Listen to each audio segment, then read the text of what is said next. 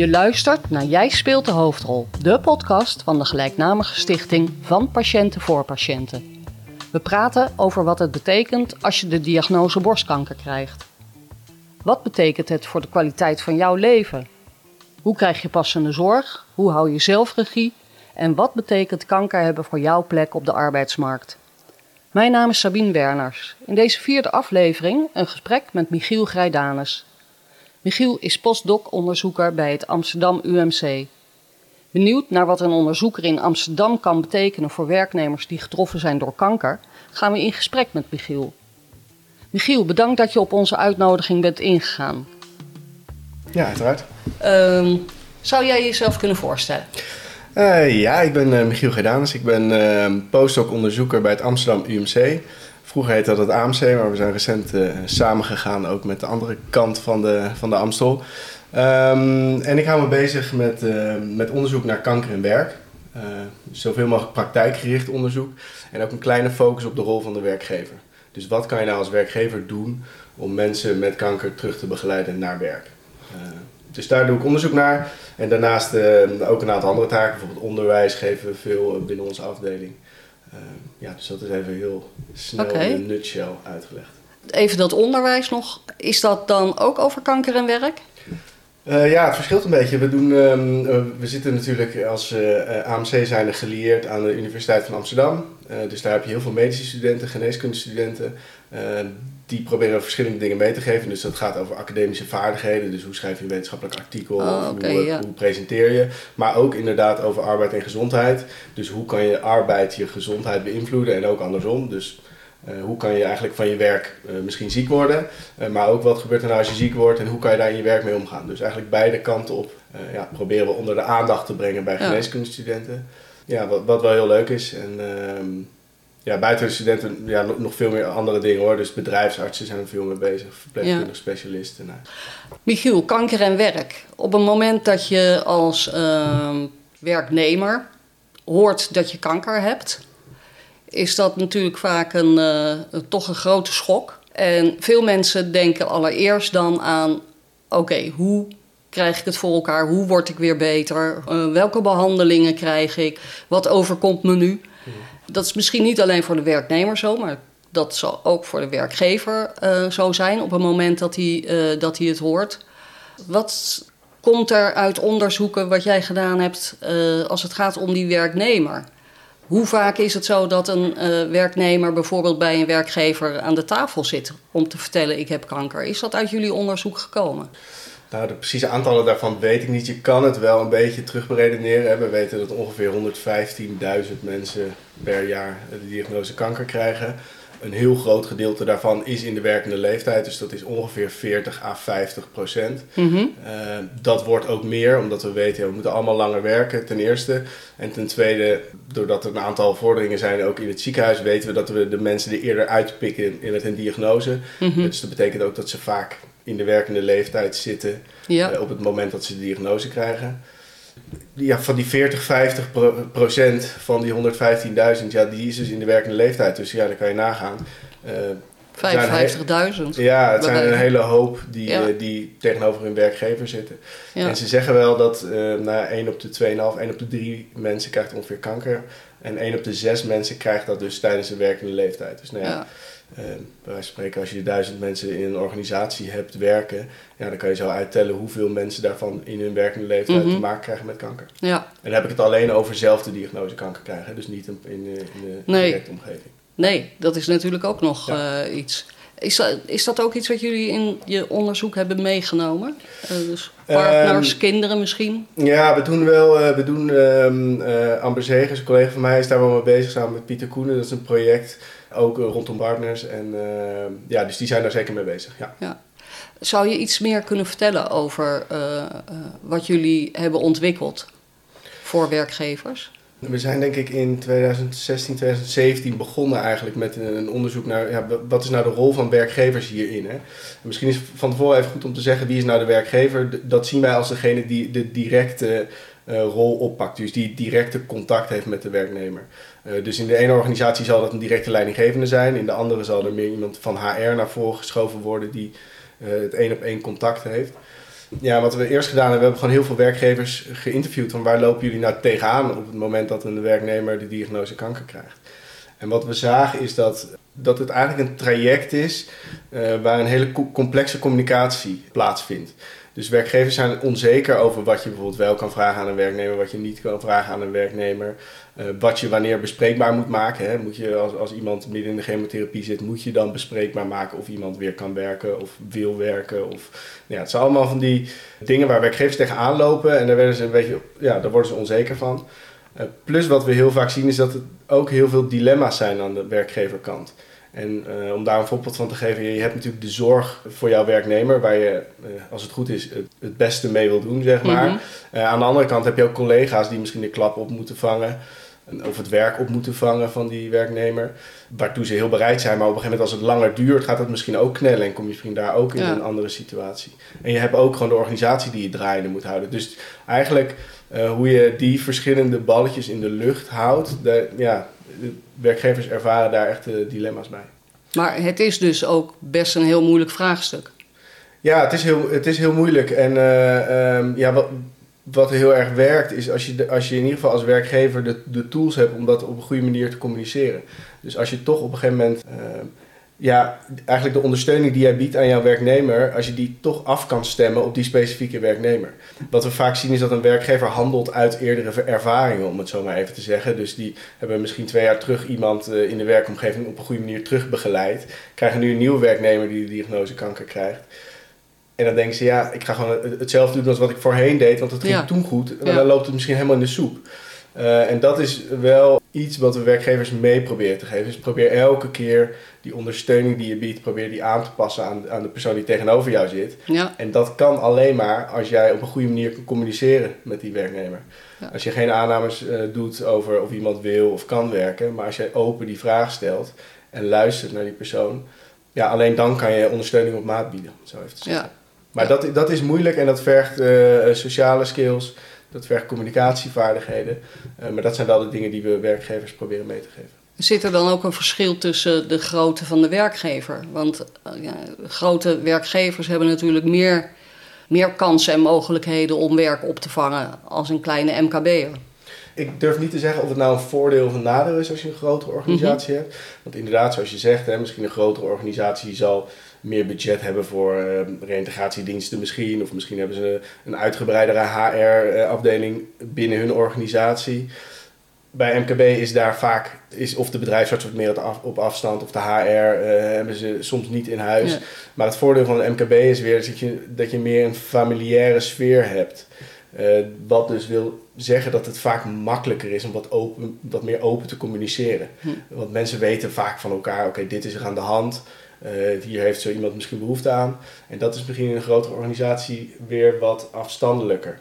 Om het even nu uh, zwart-wit te doen. Hoor. Ja. Maar het wil dus niet zeggen dat in de ene organisatie makkelijker is dan in de andere. Wat je wel natuurlijk hebt in grotere organisaties is dat het soms makkelijker is het werk aan te passen. Omdat je ja, vaak verschillende soorten functies mm -hmm. hebt binnen een grotere organisatie. Ja.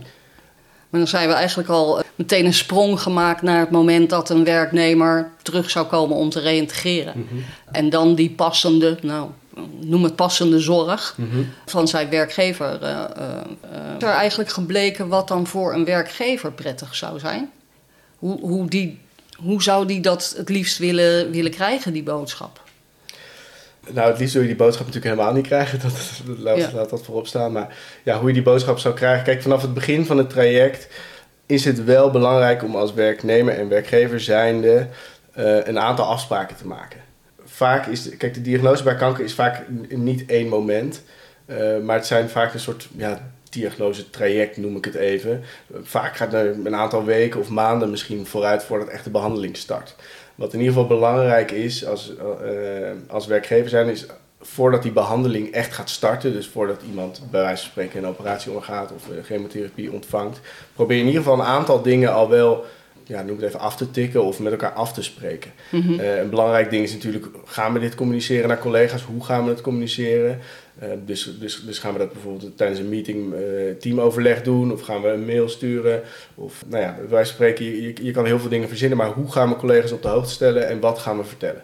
Mm -hmm. uh, dat is belangrijk. Een ander aspect is hoe gaan we de, de acute werktaken van die werknemer, hoe gaan we die ja, herverdelen op korte termijn. Wil die werknemer daar nog bij betrokken zijn of wil die werknemer daar niet bij betrokken zijn?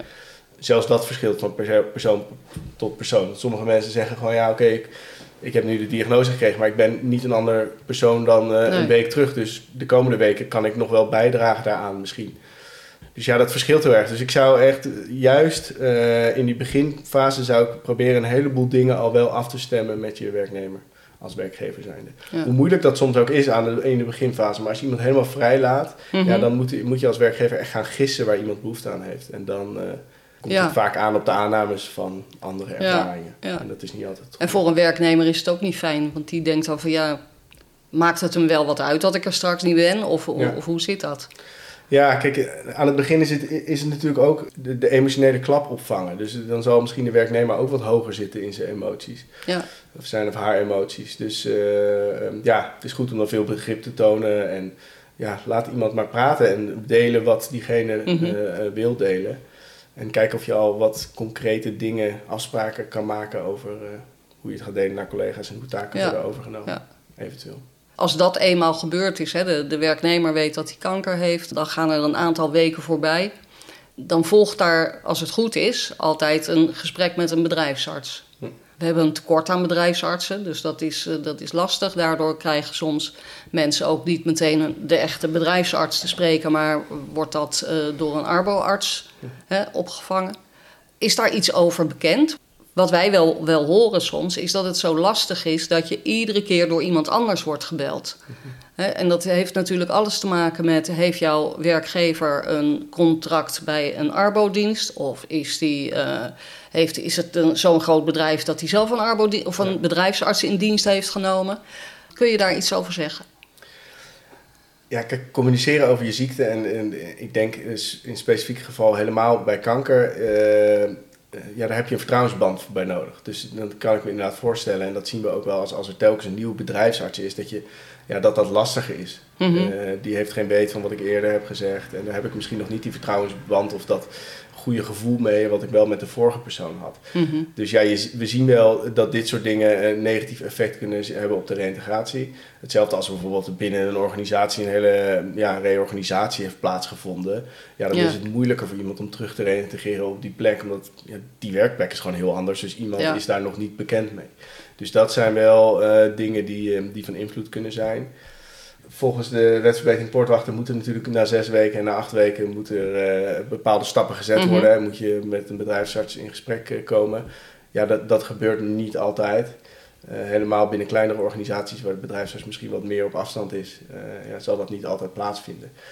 Ik denk wel dat het juist ook in die beginfase belangrijk is. Soms is nog helemaal niet bekend uh, hoe het behandeltraject eruit gaan zien. Dus kan je het ook nog niet hebben over een plan van aanpak voor de reintegratie, bij wijze van spreken. Maar ik denk dat het toch goed is om al in die beginfase alvast met elkaar af te stemmen van ja, uh, hoe staan we erin. Uh, misschien wil iemand juist wel tijdens de behandeling ook blijven werken. Om mhm. niet alleen maar patiënt te zijn, maar ook werknemer te zijn. En juist om dat ook in de beginfase af te toetsen, denk ik, ja, ik denk dat dat wel heel belangrijk is. Ja. Want we hebben het nu over open communiceren, dat is heel belangrijk. Maar er zijn natuurlijk ook wel regels voor communiceren.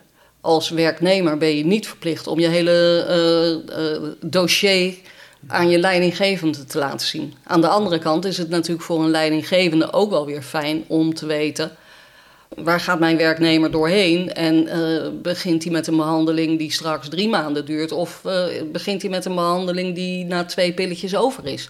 Die overigens niet bestaat natuurlijk. Maar het is maar om aan te geven dat er natuurlijk wel verschil in uh, lengte is. Ja. En, en ben jij als werknemer, vertel je dat allemaal? Of is daar juist die rol van die bedrijfsarts zo belangrijk? dat laatste denk ik sowieso, hè, want die zijn eigenlijk gespecialiseerd in het vertalen van zo'n behandeltraject naar uh, belemmeringen op het werk. Hè? Dus is iemand in staat om met een bepaalde chemotherapie uh, nog te kunnen werken? Hè? Dat is waar de bedrijfsarts een opleiding voor gehad heeft. Dus ik denk dat die daar sowieso voor een belangrijke rol in kan spelen. Maar aan de andere kant denk ik dat je daar als, als werknemer en als werkgever hoeft, hoeven die regels je zeg maar niet te belemmeren in een normaal menselijk gesprek. Het zou heel gek zijn als ik als leidinggevende en er komt een, een werknemer naar mij toe en die zegt ik ben ziek ja, dan, dan is het heel gek voor mij om niet te vragen, ja, wat is er aan de hand? En hoef je niet precies een diagnose te weten, eh, Mhm. tot in detail. En hoef je niet precies te weten welke operatie iemand krijgt of wat voor type chemotherapie. Eh, maar het moet een menselijk gesprek niet in de weg staan. Dus ik, ik denk dat je als leidinggevende niet die vragen uit de weg moet gaan. Eh, en je voelt vanzelf wel wat iemand met jou wil delen. En dat gaat, Ja. gaat heel erg in op wat voor relatie, eh, heb je vertrouwen in elkaar. Dat, dat speelt daar heel erg op in. Ja. Maar als je je te erg dat gesprek laat belemmeren door wat mag ik wel vragen en wat mag ik niet vragen, ja, dat is, dat is toch wel lastig. Bovendien mag je als leidinggevende ja, eigenlijk bijna alles vragen, maar je mag het niet noteren, je mag er niks Ja. mee doen. Nee. Dus dat menselijk gesprek mogen we altijd hebben. Aan de andere kant denk ik, kijk, als, jij, eh, als ik leidinggevende ben en iemand krijgt een bepaald type chemotherapie, of iemand heeft, bij wijze van spreken, eh, borstkanker, ja, dan, weet je nog niet zoveel. Dan kan je wel gaan googlen, ja, wat houdt dat nou in, hè, borstkanker, maar dan zijn er nog zoveel verschillende varianten. Ja, dat je niet daarop af kan gaan in de begeleiding. Nee. Dus je zal nog steeds gedurende dat hele traject met elkaar moeten afstemmen. Ja, hoe zit je nu in de wedstrijd? Dus, dus heb je behoefte om te werken? Eh, Ja. Wil je werken? Kan je werken? Ehm, ben je daar nu helemaal niet mee bezig? Dat kan natuurlijk Nee. ook. Dus ik denk dat vooral dat menselijke gesprek heel belangrijk is. Je niet te veel focust op wat is nou exact de diagnose en welke behandelingen ondergaat Ja. iemand nou direct. Je mag het daarover hebben als in gewoon een Ja. menselijk gesprek, maar je moet je daar niet heel erg door laten leiden. En tijdens die behandeling, ja, bij borstkanker is dat zo. Ik, ik, ik, ik kan me voorstellen dat het bij andere type kankers ook zo is. Dat op het moment dat jij echt met je behandeling start en bij wijze van spreken chemo krijgt, dat je daardoor natuurlijk eigenlijk zieker wordt dan hoe je begonnen bent. Dus toen je begon met, de met het diagnosegesprek, was je eh, misschien nog hartstikke actief, was je aan het sporten, niks aan de hand. En ineens ga je de behandeling in en dan wordt het ineens anders. Hoe lastig is dat? Ook weer vanuit de werknemer bedacht. Maar jij hebt daarvoor vanuit de werkgever vast ook weer een, eh, een, een antwoord op. Hoe lastig is het om dan te gaan aankaarten dat het eigenlijk alleen maar slechter is geworden? Kijk, eh, als je als leidinggevende iemand begeleidt, is dit wel een van de grootste eh, ja, specifieke gevallen bij kanker. Eh, dus vaak valt iemand uit op het moment dat diegene in een dal zit, misschien met mentale eh, een burn-out klachten heeft. Nou, dan is vaak in die beginfase is het allerslechtste moment en iemand krabbelt Ja. vanuit dat dal weer op Ja, naar ja. hopelijk reïntegratie. Ja. Ja, bij kanker is dat anders. Iemand kan aan het begin een soort emotionele eh, klap krijgen en zal daardoor misschien eh, tijdelijk niet in staat zijn om te werken. Maar iemand is fysiek vaak niet een andere persoon dan een week geleden. Nee, Eh, ja, dat gaat veranderen op het moment dat de, dat de behandeling start. Hè? Dus met een operatie zou je dat heel abrupt hebben. Dus iemand is gewoon fysiek niet in staat om te werken, Nee. ligt in een ziekenhuisbed misschien, maar bij chemotherapie gaat het wat geleidelijker naar beneden. Ja, en wat je dan wel als leidinggevende moet weten is op het moment dat iemand de behandeling heeft afgerond, dat is het moment dat iemand in een dal zit, zeg maar. Op, op, het, Ja. op het laagste niveau van werkvermogen, om het zo maar Ja. even te zeggen. En vanuit dat punt gaan we, ja, kan je misschien gaan opbouwen en hoop je weer op hetzelfde niveau terug te komen. ja. Eh, dus dat is wel specifiek en dat is ook ja, vaak wel lastig, want juist op het moment dat die behandeling is afgerond, dus als iemand echt in een dal zit, dat is ook het moment dat misschien collega's gaan vragen van ja, de behandeling is toch afgerond, dus waarom Ja. komt iemand niet Ja. eh, gelijk Het is werken? toch weer beter. Ja. Eh, Ja, dus je, zal, je hebt daar eh, als leidinggevende gewoon een grote rol in hoe- je dat kan managen op de werkvloer. mhm. Dus hoe kan je die verwachtingen met collega's afstemmen en hoe, ja, hoe regel je dat op de werkplek? Dus dat is specifiek echt bij, bij kanker, ja. En in hoeverre hebben jullie dat dan in de tool die je hebt gemaakt? Eh, misschien kan je nog even iets over die tool vertellen.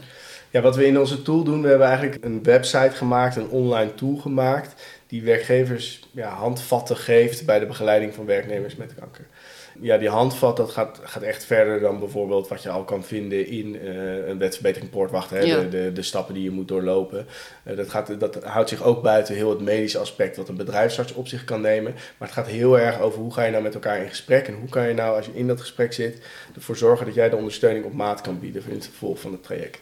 Dus in die, op die tool worden verschillende fasen uit elkaar gehaald. En in elke fase krijg je praktische tips, maar zijn er ook filmpjes te zien. Hè? Dus welke communicatietechnieken kan je Ja. eigenlijk gebruiken in zo'n gesprek met Mhm. een werknemer? Eh, ja, wat is belangrijk in welke fase? Dus een van de voorbeelden is, hè, de, dat iemand een lager werkvermogen heeft op het moment dat de behandeling is geëindigd. Nou dat zijn dingen die we wel meegeven. Ja. Maar ook bijvoorbeeld gesprekschecklist hebben we uh, op die tool staan. En dan klinkt een checklist heel erg van oké, ik vraag dit, ik vraag dit, ik vraag dit en dan heb ik het allemaal goed gedaan. Nou, zo is mhm. die checklist helemaal niet opgebouwd. Maar het is gewoon een, een hulpje van oké, als je het gesprek met je werknemer aangaat, wat is het doel van dat gesprek? Dus wat wil ik eruit halen? Uh, dat kan soms uh, zijn nou heel menselijk, ik wil gewoon weten hoe het met iemand gaat. Even een update en dat is het doel. maar soms kan het ook het doel zijn om concretere werkafspraken te maken. Dus uh, hoe gaan we de reintegratie vormgeven? Uh, en juist om, dat voor, uh, om die doelen van tevoren even te noteren hè, op die checklist, kan je ook, ja, dat biedt zeg maar geraamte voor de rest van het gesprek. Dus dan weet je in ieder geval zeker als je aan het eind van het gesprek zit, dat je terugkijkt op het doel. Hebben we dat bereikt? Zo niet, nou dan moeten we nog moeten we het mhm. daar nog over hebben. Ja. En op die checklist kan je ook aantekeningen maken. Dus oké, dit is afgesproken. Ja, hier heb je behoefte aan. Dit gaan we naar collega's communiceren. En door dat juist uh, te noteren op zo'n checklist en die checklist ook uh, mee te geven aan jouw werknemer, uh, weten we in ieder geval dat we na het gesprek allebei op één lijn zitten. Want we weten gewoon wat er is afgesproken ja. en daar kunnen we ons aan houden. En maar op het moment dat je dus zo'n gesprek aangaat, dan heeft een leidinggevende, die heeft die tool al bekeken, die weet, hè, heeft zich kunnen voorbereiden. Mhm.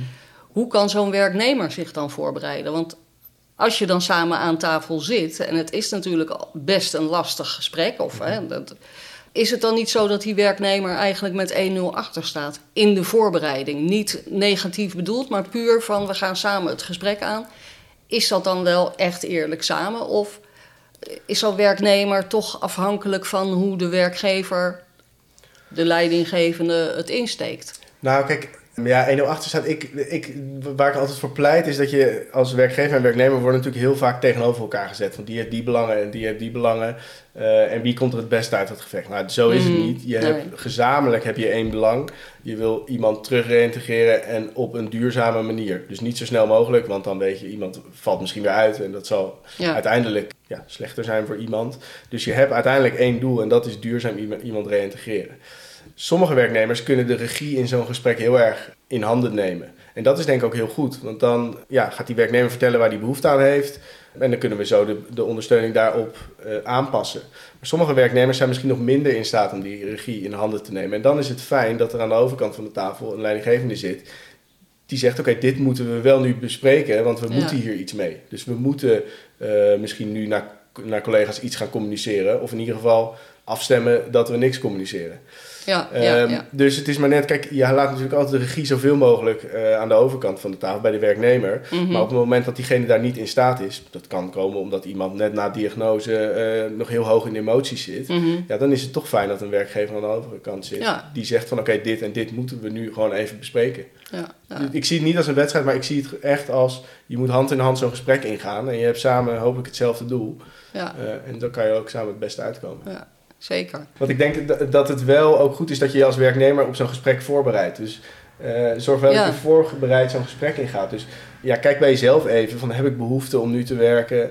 Wat wil ik delen met collega's? Uh, wil ik bij spreken uh, een, dat er een WhatsApp groep aangemaakt wordt met collega's? Of wil ik dat mensen mij privé gaan bellen? Weet je, als je mhm. dat soort dingen is wel goed om dat van tevoren even over na te denken. Ja. En misschien even te noteren en mee te nemen naar zo'n gesprek. Want dat is wel hetgene waar jij behoefte aan hebt. En dat, het kan soms zo zijn dat dat tijdens het gesprek niet in je opkomt. En dat je thuis denkt, ah, dit had ik nog even willen, willen doen. Ja. Dus als je je voorbereidt op zo'n gesprek, ja, heb je daar altijd voordeel bij natuurlijk. Ja. Zijn er hulpmiddelen uh, voor werknemers? Waarvan je meteen zegt uh, dat... Uh, ja, nou, dat zou dus een keer erbij kunnen pakken. Ja, nou we hebben natuurlijk de, de werk- en kanker uh, uh, gesprekshulp. Die is natuurlijk voor werknemers en werkgevers. Oké. Moet ik heel even goed kijken waar je die uh, kan krijgen. Maar volgens mij is dat via de groep werk en kanker. als je dat googelt, dan is daar een, ja, een soort gesprekshulp voor beide kanten. Ja. dus het is goed als, als medewerker om daar ook in te kijken voordat die je Die is volgens mij ook te downloaden en die zou je bijvoorbeeld mee kunnen nemen naar je werk, werkgever. Ja, zeker. Oké, ja, dan voelen mensen zich ook wel gesteund. Weet, wij uh, doen deze podcast vanuit Stichting Jij speelt de hoofdrol. En wij hebben uh, ook wel echt heel veel schrijnende verhalen gehoord van mensen die toch ja, door de bomen het bos niet zien. Daarom hebben we de Facebookgroep Kanker en Werk gestart. Dat is een besloten Facebookgroep waar inmiddels 800 mensen lid van zijn. En die hun vragen stellen. En eigenlijk net zoals bij kanker, kanker.nl, maar wij doen het dan via een Facebookgroep. Door specialisten en met name reïntegratiespecialisten de vragen beantwoorden. En dat, dat geeft in ieder geval een beetje het ruggensteuntje wat we misschien aan de werknemer kunnen geven uh, in dit soort uh, gesprekken. -hmm. Ja, ik denk dat, dat, dat het goed is, want ik denk dat je. Kijk, iedere werknemer gaat, gaat vaak voor het eerst door zo'n traject heen. Ja. Dus ik denk dat het goed is om contact te hebben, misschien met lotgenoten of bij een Facebookgroep aan te sluiten. Waardoor je misschien al een aantal verhalen kan lezen. En daar hoef je niet door laten af te schrikken, maar het kan je wel helpen van oké, okay, wat, wat ga ik tegemoet? Dus uh, ja, waar kan ik me alvast ja. op voorbereiden? Dus ja. ik denk dat dat altijd wel helpt. Na die behandeling. En zo'n behandeling, uh, en ik, ik, nou ja, mijn ervaring ligt natuurlijk bij, bij borstkanker, is zo'n eerste jaar al heel snel voorbij. Ja, zeker. Dan pas, regelmatig komt pas het spoor 1, de spoor 1 term voorbij, terwijl spoor 1 eigenlijk al voorbij is en we al richting spoor 2 gaan. Wat staat er in jullie tool als het gaat om spoor 2? Ja, dit is iets waar, waar, waar, veel mensen tegenaan lopen. Er staat in onze tool niet als dusdanig iets over Sport 2. Dus ja, we houden ons een beetje uh, uh, bij de wetgeving vandaan, zeg maar. Mm -hmm. We gaan heel erg in op dat gesprek. Omdat we denken, ja, alles over wetgeving, dat staat al wel ergens. En dat ja. zeg je helemaal niet dat dat vindbaar is voor mensen. Hè? Want ik denk dat, dat, dat heel veel mensen, wat je zegt, door de bomen het bos niet zien. Uh, maar wat we wel weten is inderdaad dat ja, na een jaar zou spoor 1 afgelopen uh, moeten zijn. En dat heel dat wetgevend kader, ja, dat is niet op maat gemaakt voor, uh, voor mensen met kanker. Zoveel nee. is wel duidelijk. Ja. Uh, vaak behandelingen kunnen 18 maanden duren. Ja, dan zit je alweer, heb je eigenlijk nog maar zes maanden voordat je op een gegeven moment een, een stempel ja, krijgt ja. van ik heb werkvermogen of ik heb geen werkvermogen. Ja, en dat dus, moet je al ergens bij de 91ste of 92ste week gaan bepalen. Ja, dus het is duidelijk dat dat niet op maat gemaakt is voor deze, oh, nee. ja, voor kanker. En dat heel veel mensen daar wel tegenaan lopen. Uh, wat je gelukkig ook ziet is dat werkgevers soms daar ook weer wat meer ruimte in geven. Hè? Dus sommige werkgevers hebben wat meer, uh, ja, als je gewoon vertrouwen hebt dat iemand weer terugkeert, mm -hmm. ja, dan kan het zo zijn dat je, dat je zelfs in dat tweede jaar, dat, dat gewoon spoor 1 nog steeds vooraan staat. Ja. En dan kan het soms zijn dat een werkgever, uh, bij wijze van spreken, um, wel tegen die werknemer zegt, oké, okay, ik moet nu iets, een actie sport 2 uitzetten. Uh, maar dat is niet met de intentie om jou daarheen te reïntegreren. Nee. Want ik wil je nog steeds terug op je eigen werkplek. Maar als ik dat op dit moment niet doe, ja, dan kan ik aan het eind van de rit een sanctie krijgen van het UWV. Ja. Dus ik denk, zelfs daarin zit het heel erg in hoe communiceer je dat als leidinggevende met jouw werknemer. Mm -hmm. Ja, ook een, een boodschap die misschien helemaal niet wenselijk is en waar iemand niet op zit te wachten. Dus reïntegratie in een andere organisatie. Maar als je dat op een goede manier uitlegt en wa het waarom daarvan, mm -hmm. uh, denk ik wel dat dat uh, mogelijk ja. is. Ja. Maar daar zit je natuurlijk ook dat mensen dan, of dat is wat we veel horen, dat er zoveel energie in gaat zitten hè, in zo'n Sport 2-traject. Ja.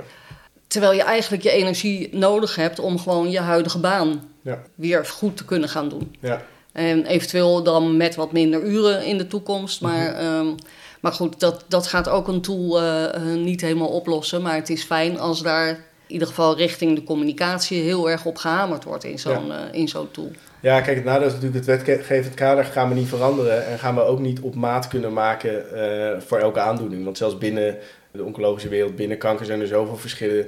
Ja, dan zou je voor elke aandoening een nieuw wetgevend kader uh, ja. moeten maken. Dus dat kan niet. Dus het wetgevend kader is iets waarmee we moeten dealen. Uh, en binnen dat kader kunnen we als werkgever en werknemer kijken hoe we daar het beste mee omgaan. Ja. Michiel, als de behandeling in feite niet zozeer gestopt. Hè, want er zijn behandelingen die lopen vijf tot zeven jaar door. Uh, als je, uh, nou ja, hormoongevoelige borstkanker bijvoorbeeld hebt. En er zijn, ja, er zijn nog andere type kankers die ook natuurlijk... Ja, waar eigenlijk nooit een einde aan zit aan de, aan de behandeling. Maar stel er is toch een moment dat je zegt... nu ga je als uh, werknemer... heb je weer zicht op de toekomst... en wil je weer aan de slag. -hmm. Wat mogen ze van een werkgever verwachten? Uh, dat is een hele open vraag, maar ik denk dat je als werknemer van je werkgever ja, mag verwachten dat, je, dat diegene de tools aanreikt, of in ieder geval um, de, de randzaken regelt waarin jij het beste kan reïntegreren. En dat doet hij natuurlijk niet alleen. Hè. Je kan daarbij advies inbinden van de bedrijfsarts, hè, die veel meer weet van oké, dit pad zou geschikter zijn. Dus zoveel uren opbouwen, misschien deze werkzaamheden. Hè, daar adviseert natuurlijk de bedrijfsarts in. Maar ik denk dat de, dat de leidinggevende is hoofdverantwoordelijke ja, om, om dit soort zaken te regelen. Dus ook binnen de werkplek. Uh, ja, hoe, hoe wil je dat, iemand, dat collega's je weer ontvangen? Ja. wil je dat iedereen naar jou toe komt met de vraag hoe, hoe het met je gaat? Of hoe, hoe, hoe ga je dat organiseren? Uh, ja, welke werkzaamheden pakt iemand op? Hè? Want die werkgever die weet precies van oké, okay, de, deze functie omvat deze taken. Maar ja, hoe kunnen we dat op een goede manier opbouwen dat we weer naar een, uh, een, een, duurzame situatie mm. kunnen? Dus ik denk dat dat heel belangrijk is. En, en, dat, ja, dat ligt er ook heel erg aan van. Stel de vraag welke rol werk in iemands uh, leven speelt. En dan merk je vaak genoeg, vaak genoeg dat iemand ofwel zo snel mogelijk gewoon weer terug wil naar de eigen werkplek. En eigenlijk uh, het helemaal niet wil hebben op werk over de ziekte. Mm -hmm. Nou, dat kan heel goed.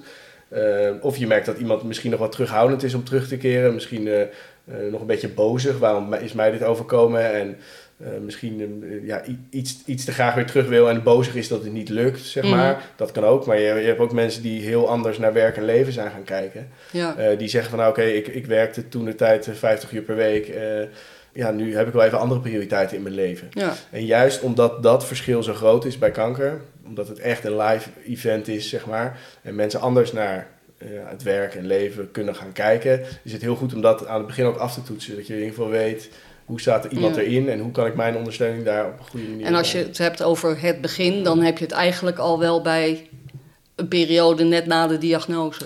Ja, dan is belangrijk, maar het is wel belangrijk om dat, om dat te blijven vragen. Nog een omdat keer we, te, ja. Omdat we weten dat dit soort perspectieven, om het zo maar even te zeggen, Ja. hoe je het beleeft, kan echt over de tijd heel erg gaan verschillen. Ja. Eh, Dan heb je het dat over de werknemer nu- 2.0. Ja, nou ja, we, we denken te weten dat dat.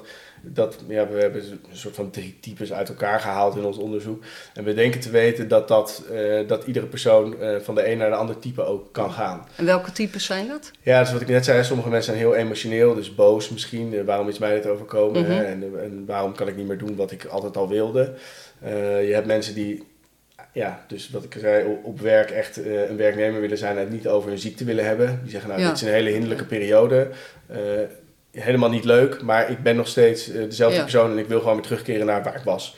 Zeg maar. En je hebt mensen die heel erg anders naar werk en leven zijn gaan kijken. Dus die gaan misschien andere prioriteiten zetten in hun leven. Die willen misschien meer met hun Mhm. familie zijn. Ja. Die drie grofweg typen eh, is wel uit onderzoek naar voren gekomen. En we zijn nu wel een beetje aan het kijken van... Ja, gaan mensen nou van de ene type naar de andere type? Hoe verhoudt zich dat? Ja, Maar we denken te weten dat in ieder geval mensen ook wel over verschillende types in de tijd eh, Ja. ehm, ja, variëren. Dus ja, je, je zal die vraag moeten blijven stellen. Dus welke, Ja. werk, eh, welke rol speelt werk? omdat het ook kan leven? veranderen. Ja. Ja, logisch. Is dat ook iets wat in een ziekenhuis gebeurt? Eh, is er een, een begeleiding in het ziekenhuis die met die patiënt meedenkt en ook vraagt van... Goh, hoe gaat het op je werk? Hoe gaat het met je werkgever? Lo- Loopt dat een beetje? Kijk, heel vroeger was er echt nog geen plek voor werk in de, in de, in de ziekenhuizen, zeg maar. Mhm. Dan was het gewoon behandelingssec. We gaan die tumor proberen weg te krijgen. Eh, op het moment dat dat zo is, dan doen we controles of die tumor niet terugkomt en en that's it. Ja, dat is over de tijd wel veranderd. Eh, dus werk speelt, de kwaliteit van leven speelt een grotere rol. Hè. Je hebt als patiënt steeds meer inbreng natuurlijk in je eigen behandeling. Eh, er wordt shared decision making, dus je hebt daar Mhm. invloed op. En dat is, ze kijken ook steeds meer naar werk. Dus welk werk doet iemand? Heeft iemand behoefte binnen het werk? Maar dat wil niet zo zeggen dat de oncoloog daar ook advies over gaat geven. Nee. Ik denk ook niet dat dat de rol is van een oncoloog. Maar ik denk wel dat het de rol is van een oncoloog of een verpleegkundig specialist... om in ieder geval die persoon door te sturen naar de juiste persoon... als diegene merkt van oké, in het werk loopt het niet. Nee. Dus ga eens eh, praten met de bedrijfsarts of vraag daar eens naar. Of nee, misschien zijn er andere specialismen die je kunnen werken op het gebied van kanker en werk. Ja, Eh, dus ik denk dat die rol er wel is. En, en dat lichtje gaat wel steeds meer branden ook in ziekenhuizen. Ja. Dus dat in ieder geval gevraagd wordt. Wat doe je voor werk? Heb je daar behoefte eh, aan dingen? Ja. Loop je tegen dingen aan? Ehm, we weten dat er ook reïntegratiebureaus zijn. Eh, maar natuurlijk ook niet elke werknemer is op de hoogte van, van, van dat er zeg maar vanuit een reïntegratiebureau hulp zou kunnen komen, begeleiding zou kunnen komen. Mhm. Hoe zit dat bij werkgevers? Zijn die op de hoogte van, voldoende op de hoogte van het feit dat ze altijd een reïntegratiebureau kunnen ja, inhuren? Eigenlijk inhuren voor de begeleiding van die werknemer. Ja. Mm, Dat weet ik niet of ze daar echt van op de hoogte zijn. Ik denk dat eh, wat de meeste werkgevers doen is iemand eh, komt naar ze toe. Ik heb de diagnose kanker. Veel werkgevers gaan googlen. Eh, dus die komen dan, ja, sommigen komen dan bij kanker.nl uit dat ze meer willen weten over die ziekte. Ja, ik weet niet of dat altijd helpt. Mhm. En sommigen zullen ook bij reintegratiebureaus eh, uitkomen die ze misschien hierbij eh, goed kan, kunnen ondersteunen. Ja, de percentages daarvan zou ik niet durven, zou ik niet durven zeggen. Nee. Dus je kunt, ehm, er is niet iets bekend over het succes wat er is bij mensen die wel of niet begeleid zijn. Ehm, ne- nee, ja, kijk, wij ehm, onderzoeken vaak de effectiviteit van de eh, interventies die wij ontwikkelen. Dus waar Mhm. ik net over, over sprak, over die online tool die we voor werkgevers hebben ontwikkeld. Daarvan zijn we nu in het traject om te kijken, werkt dat ook echt? Hè? Dus we hebben werknemers daar wat aan. Ja, Eh, dus dat doen we wel. Wat we als ja, wetenschappelijk onderzoeker niet doen is, of tenminste vaak niet doen, is een bestaande interventie van een commerciële organisatie op effectiviteit toetsen. Mhm. Het kost gewoon, eh, ja, dat, dat kost gewoon heel veel geld voor zo'n reïntegratiebureau om dat op een goede manier te, te kunnen eh, toetsen. Eh, dus dat, nee, dat zou ik niet weten. Michiel, op het moment heb je werknemers die, die dus weer aan de slag gaan en vol goede moed ehm, bedenken van, nou weet je, alles is achter de rug en ik heb, ben gereïntegreerd en ik zit weer op 16 uur, 24 uur. En dan komt soms ook de man met de hamer. Dat het eigenlijk te veel is. Dat moet je natuurlijk ook blijven bespreken met je, met je leidinggevende. Ja. Eh, en misschien ook wel weer gewoon met de bedrijfsarts. Ja, zeker. Wat zegt jullie onderzoek daarover? Nou ja, we hebben niet naar dit specifieke onderzoek gedaan, maar wat je wel weet is, eh, wat je zegt, dat de man met de hamer kan komen. Of misschien eh, eh, dat het toch niet gaat op een gegeven moment. Hè. Dus vermoeidheidsklachten kunnen ook gewoon op de lange termijn aanhouden. Mhm. Dus misschien zou je het werk dusdanig aan moeten passen ja, dat, je, eh, dat je met die vermoeidheid om kan gaan. Dus dat je bijvoorbeeld wat flexibelere, flexibelere werktijden hebt. Bijvoorbeeld. Ja, dat als ja. iemand eh, zegt van nou oké, ik kan nu echt niet werken. eh, dat je zegt nou oké, neem me nu wat rust en dan doen we op een ander moment van de Mhm. dag misschien nog die Ja. twee uurtjes. Ehm, dus er zijn wel, ehm, dus ja, we proberen wel handreiking toe aan werkgevers hoe ze daarmee om kunnen gaan. En we blijven benadrukken dat, dat reïntegratie is niet het einde. Eh, maar reïntegratie eigenlijk is het begin van, een, van een, een nieuw traject waarbij je elke keer weer moet, met elkaar in gesprek moet blijven. Van sluit het huidige werk nu nog aan bij mijn mogelijkheden. Mhm. Eh, en ook wensen natuurlijk. Het Ja. kan zo zijn dat iemand Ja. toch op een gegeven moment denkt, nou dit, dit is het toch niet meer voor mij. Nee. En dus op zoek gaat misschien naar iets anders. Ja, dat kan. Ja, En- het is, ja het- kijk, het is belangrijk. Kijk, ik zei al, net had het al even over dat, dat sommige mensen anders naar werk en leven zijn gaan kijken. En ik denk dat het ook eh, bij jouw rol als werk, eh, werkgever hoort dat als dat zo is, dat je bespreekbaar maakt van oké, hoe kunnen we dan eh, op zoek gaan misschien naar een nieuwe baan die op dit moment beter aansluit bij jouw wensen en behoeften. En soms kan dat best een moeilijk gesprek zijn, want dat betekent dat iemand misschien niet meer de werkzaamheden kan uitvoeren waar die op dit moment voor ingehuurd wordt. Mhm. Maar juist om dat gesprek wel aan te gaan is wel belangrijk. Want anders ga je toch op de lange termijn, is het toch niet duurzaam. Nee. En doe je dat samen met een, met een bedrijfsarts? Ja, nou, eh, dat kan. Maar als het echt gaat over hoe iemand kijkt naar zijn huidige functie en welke behoefte hij daaraan heeft, zou ik misschien eerder HR daar aanhaken. Mhm. Van oké, hoe kunnen we misschien, zijn er misschien functies binnen de organisaties die op dit, die op dit moment beter aansluiten bij diegene zijn wensen? Ja. Daar heeft vaak HR dan iets beter beeld bij dan Ja. de bedrijfsarts. Zijn er initiatieven dat jij weet waar eh, ondernemingen zeg maar onderling kunnen schuiven? Ik weet wel dat ja, veel organisaties hebben wel een soort van bevriende organisaties waar ze dan mee samenwerken. Maar hoe dat precies zit, zou ik niet durven zeggen. Dat zou misschien nog wel Ja. mooi zijn als dat zou kunnen. Ja, helemaal binnen het MKB is dat natuurlijk, eh, zou dat best wel een uitkomst kunnen Ja. zijn. Als je net even ander type werk hebt binnen een andere MKB-organisatie, dat iemand in dat, die organisatie zou kunnen integreren. Hey, hoeveel werkgevers zijn er eigenlijk die meedoen met, je, met jullie onderzoek? Maar we zijn nu dus aan het kijken van de, hè, die tool die we ontwikkeld hebben, eh, leidt dat daadwerkelijk tot een betere her- werkhervatting van die werknemers. Mhm. Eh, dat is een, een, een, ehm, een onderzoek dat wordt weer gefinancierd door KWF. Daar zijn we heel blij mee. Het is in januari gestart, dus we zijn nu echt in de opstart Oh, dat is wel heel vers. Ja, dat is heel vers. We zijn echt in de opstart van dat onderzoek. Dus dan moet je denken aan eh, het protocol schrijven, de medisch-ethische aanvraag. Dat je dat soort dingen moet je eerst opzetten voordat je zo'n groot wetenschappelijk onderzoek kan uitvoeren. Mhm. Maar uiteindelijk willen we, oeh, dan weet ik de cijfers niet uit mijn hoofd, maar ik geloof dat we ergens rond de 120 koppels, werkgever en werknemer, willen includeren in onze studie. waarbij we die eigenlijk onderverdelen in een interventie- en controlegroep. Dus de helft van de werkgevers krijgt dan toegang tot Maals. Dat is, mhm. zo heet onze online tool. en de andere helft niet. En dan gaan we die twee groepen met elkaar vergelijken.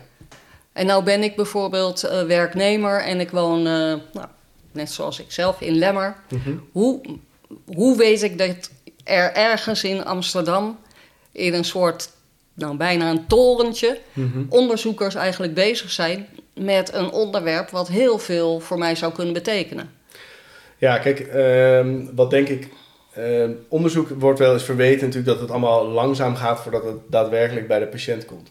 En daar ben ik het gedeeltelijk ook wel heel erg mee eens. Ehm, eh, ja, je wil ze natuurlijk zo snel mogelijk dat dit soort dingen breed beschikbaar zijn voor mensen onder andere in Lemmer. Mhm. Eh, maar goed, ehm, je hebt een aantal stappen daar te zetten als wetenschappelijk onderzoek. Want we hebben er ook niks aan dat we iets gaan ontwikkelen waarvan wij denken dat het heel goed werkt. Gaan we het in de praktijk gooien, uh, terwijl we helemaal niet weten of het werkt. En misschien ook wel een negatief effect kan hebben. Hè. Wij, wij denken dat het, dat het de reintegratie bevordert. Maar hypothetisch zou het ook juist uh, ja, slechter zijn, kunnen zijn voor reintegratie. Mhm. in dit geval zou ik niet, niet echt weten waarom dat zo zou zijn. Maar er zijn een aantal stappen die je moet doorlopen. En nu eigenlijk de komende twee, nou ja, drie jaar zeg maar, zijn we echt in een soort gecontroleerde omgeving aan het kijken of het werkt.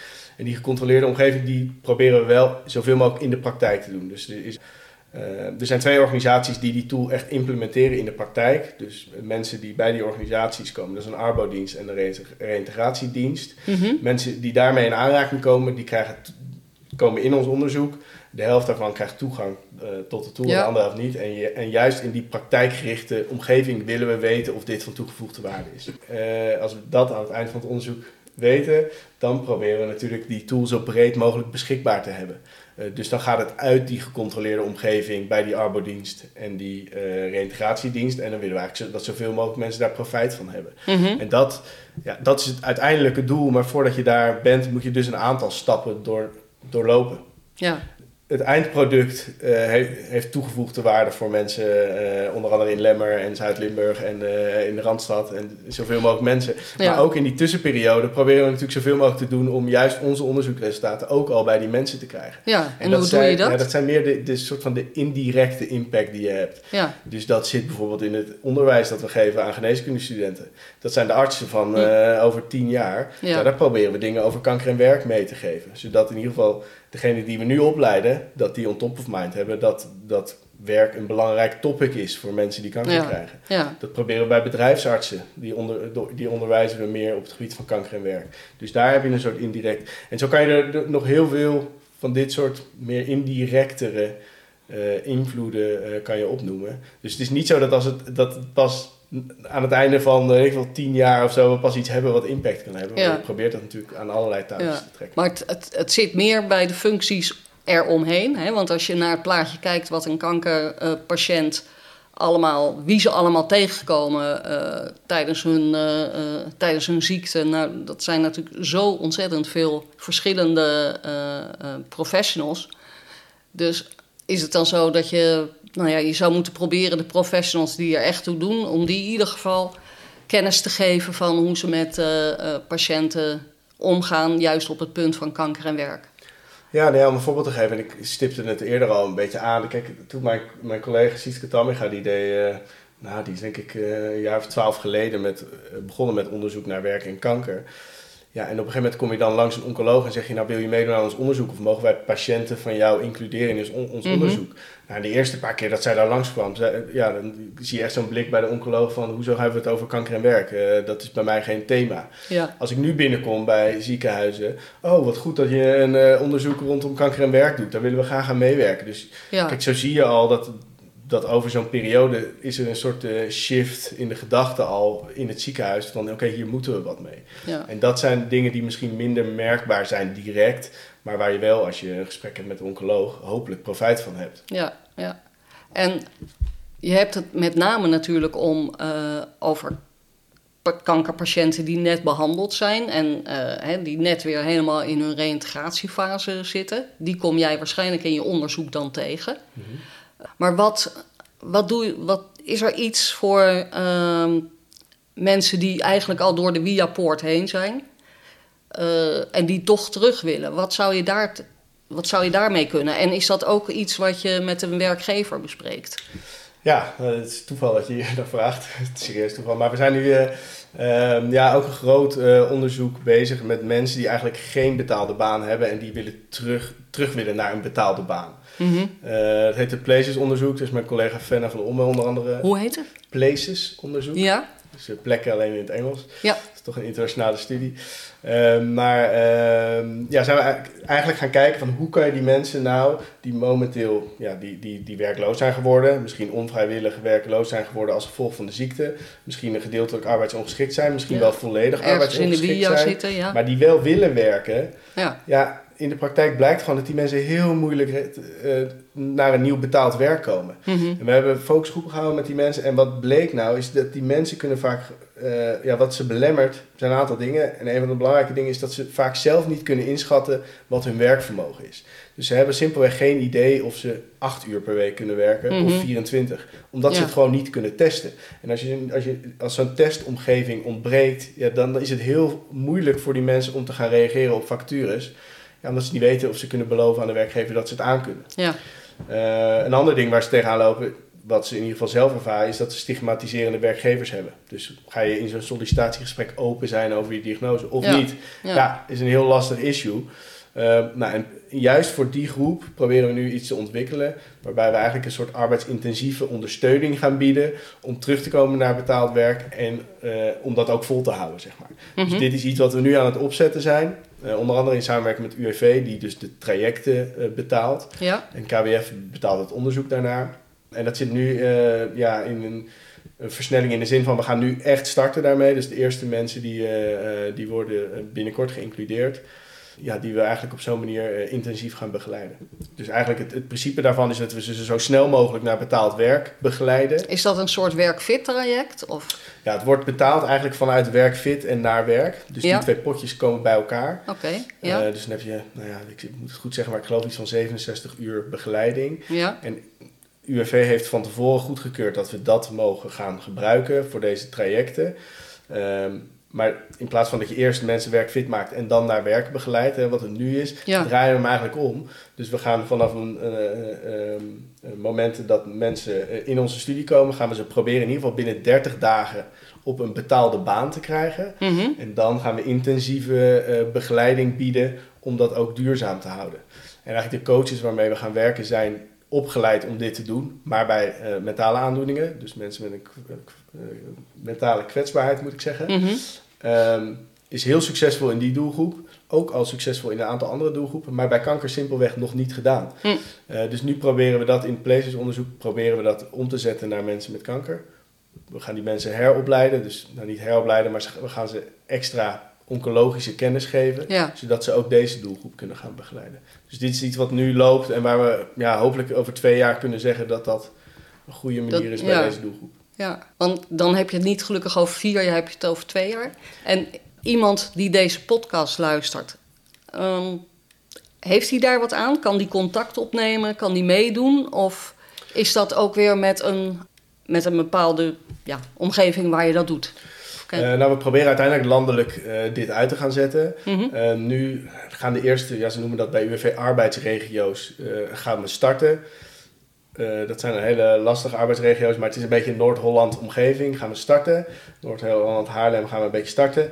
Maar we gaan uitbreiden naar andere arbeidsregio's. Dus dat wil zeggen, ehm, ja, UWV werkt ook in deze arbeidsregio's. Dus we gaan nu Hm. opzetten naar andere. Dus we gaan die weer benaderen. Kijken, die Ja. doen we eh, in Noord-Holland.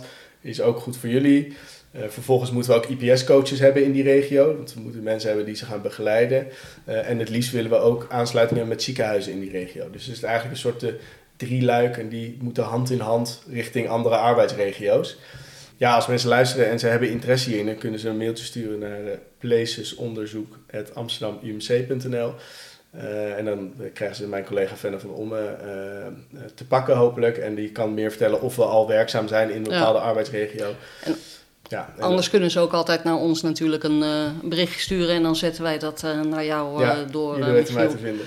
Dus dat is info at jijspeeltdehoofdrol.nl um, Heel concreet. Nog een keer om even af te sluiten. Ik ben werknemer. En welke tips heb jij nou vanuit de onderzoeken die je allemaal gedaan hebt en waar je nu mee bezig bent, voor een, uh, voor een werknemer die zegt: Oké, ik heb alles achter de rug of ik ben nog bezig, maar dat werk is toch wel echt belangrijk voor mij, dus ik wil terugkeren. Mhm. Hoe doe ik dat?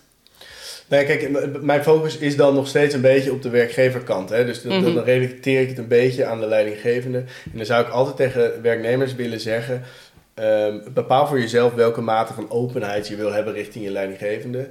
Maar ben er ook bewust van dat als je uh, niks deelt, dus niet uh, deelt wat jouw wensen en behoeften zijn ten aanzien van werk, dat je ook niet van jouw werkgever kan verwachten dat die werkgever ondersteuning op maat biedt. Je hebt als werkgever informatie nodig om het goede te kunnen doen. Dus dat hoeft echt geen informatie te zijn over gedetailleerde diagnose of behandelingen of weet ik veel wat. Maar uh, deel met jouw leidinggevende welke behoeften heb je ten aanzien van werk. Wat zou je willen? wil je betrokken uh, blijven bij het werk tijdens behandeling? Of wil je juist een stapje terug? Uh, nou door dat voor jezelf te noteren, daarover na te denken en dat te, delen met je leidinggevende, denk ik dat je al een hele belangrijke stap hebt gedaan. En dan kan je ook, als je dat doet, van jouw leidinggevende verwachten dat die ondersteuning op maat biedt. Oké, dankjewel Michiel. Ehm, ik denk dat we het willen afsluiten. Ja. En uh, ik wil nog één ding eigenlijk meegeven. Dat is nog één keer de Facebookgroep Kanker en Werk die, uh, die onze stichting beheert. Um, makkelijk te vinden via Facebook en dan Kanker en Werk. Dan kom je vanzelf tegen. En uh, daar zit een, uh, een, scala van reïntegratiespecialisten en HR en mensen en arbeidsdeskundigen voor je klaar. En daarnaast zijn er natuurlijk ook nog telefoonnummers te vinden uh, bij verschillende reïntegratiebureaus. En we hebben kanker, kanker.nl, waar ook nog uh, mensen klaar zitten om, uh, uh, om vragen te beantwoorden. Dus een boodschap vanuit Stichting Jij speelt de hoofdrol is wel dat je niet alleen bent en dat je het zeker niet allemaal in je eentje hoeft te doen. Michiel, heel erg bedankt voor jouw uh, uh, verhaal. Ja. Ik hoop dat we wat duidelijker kun hebben kunnen maken wat, uh, wat een onderzoeker in Amsterdam doet met betrekking tot kanker en werk. Ja. En nou, we zien uit naar alle uitkomsten. Ja, nou helemaal leuk. Dank voor de gastvrijheid. Dankjewel. Dit was Jij speelt de hoofdrol podcast, waar we praten over wat het betekent als je de diagnose borstkanker krijgt. Wat het betekent voor de kwaliteit van je leven, hoe je passende zorg krijgt en zelfregie houdt of wat het betekent voor jou op de arbeidsmarkt. Ik ben Sabine Werners en ik nodig je graag uit om te reageren op deze aflevering. Dit kun je doen via onze social media of door een bericht te sturen aan info@jijspeeltdehoofdrol.nl. Heb je zelf een suggestie voor een gast of een onderwerp, dan horen we dat graag. Meer over onze stichting vind je op onze website www.jijspeeltdehoofdrol.nl. Van patiënten voor patiënten.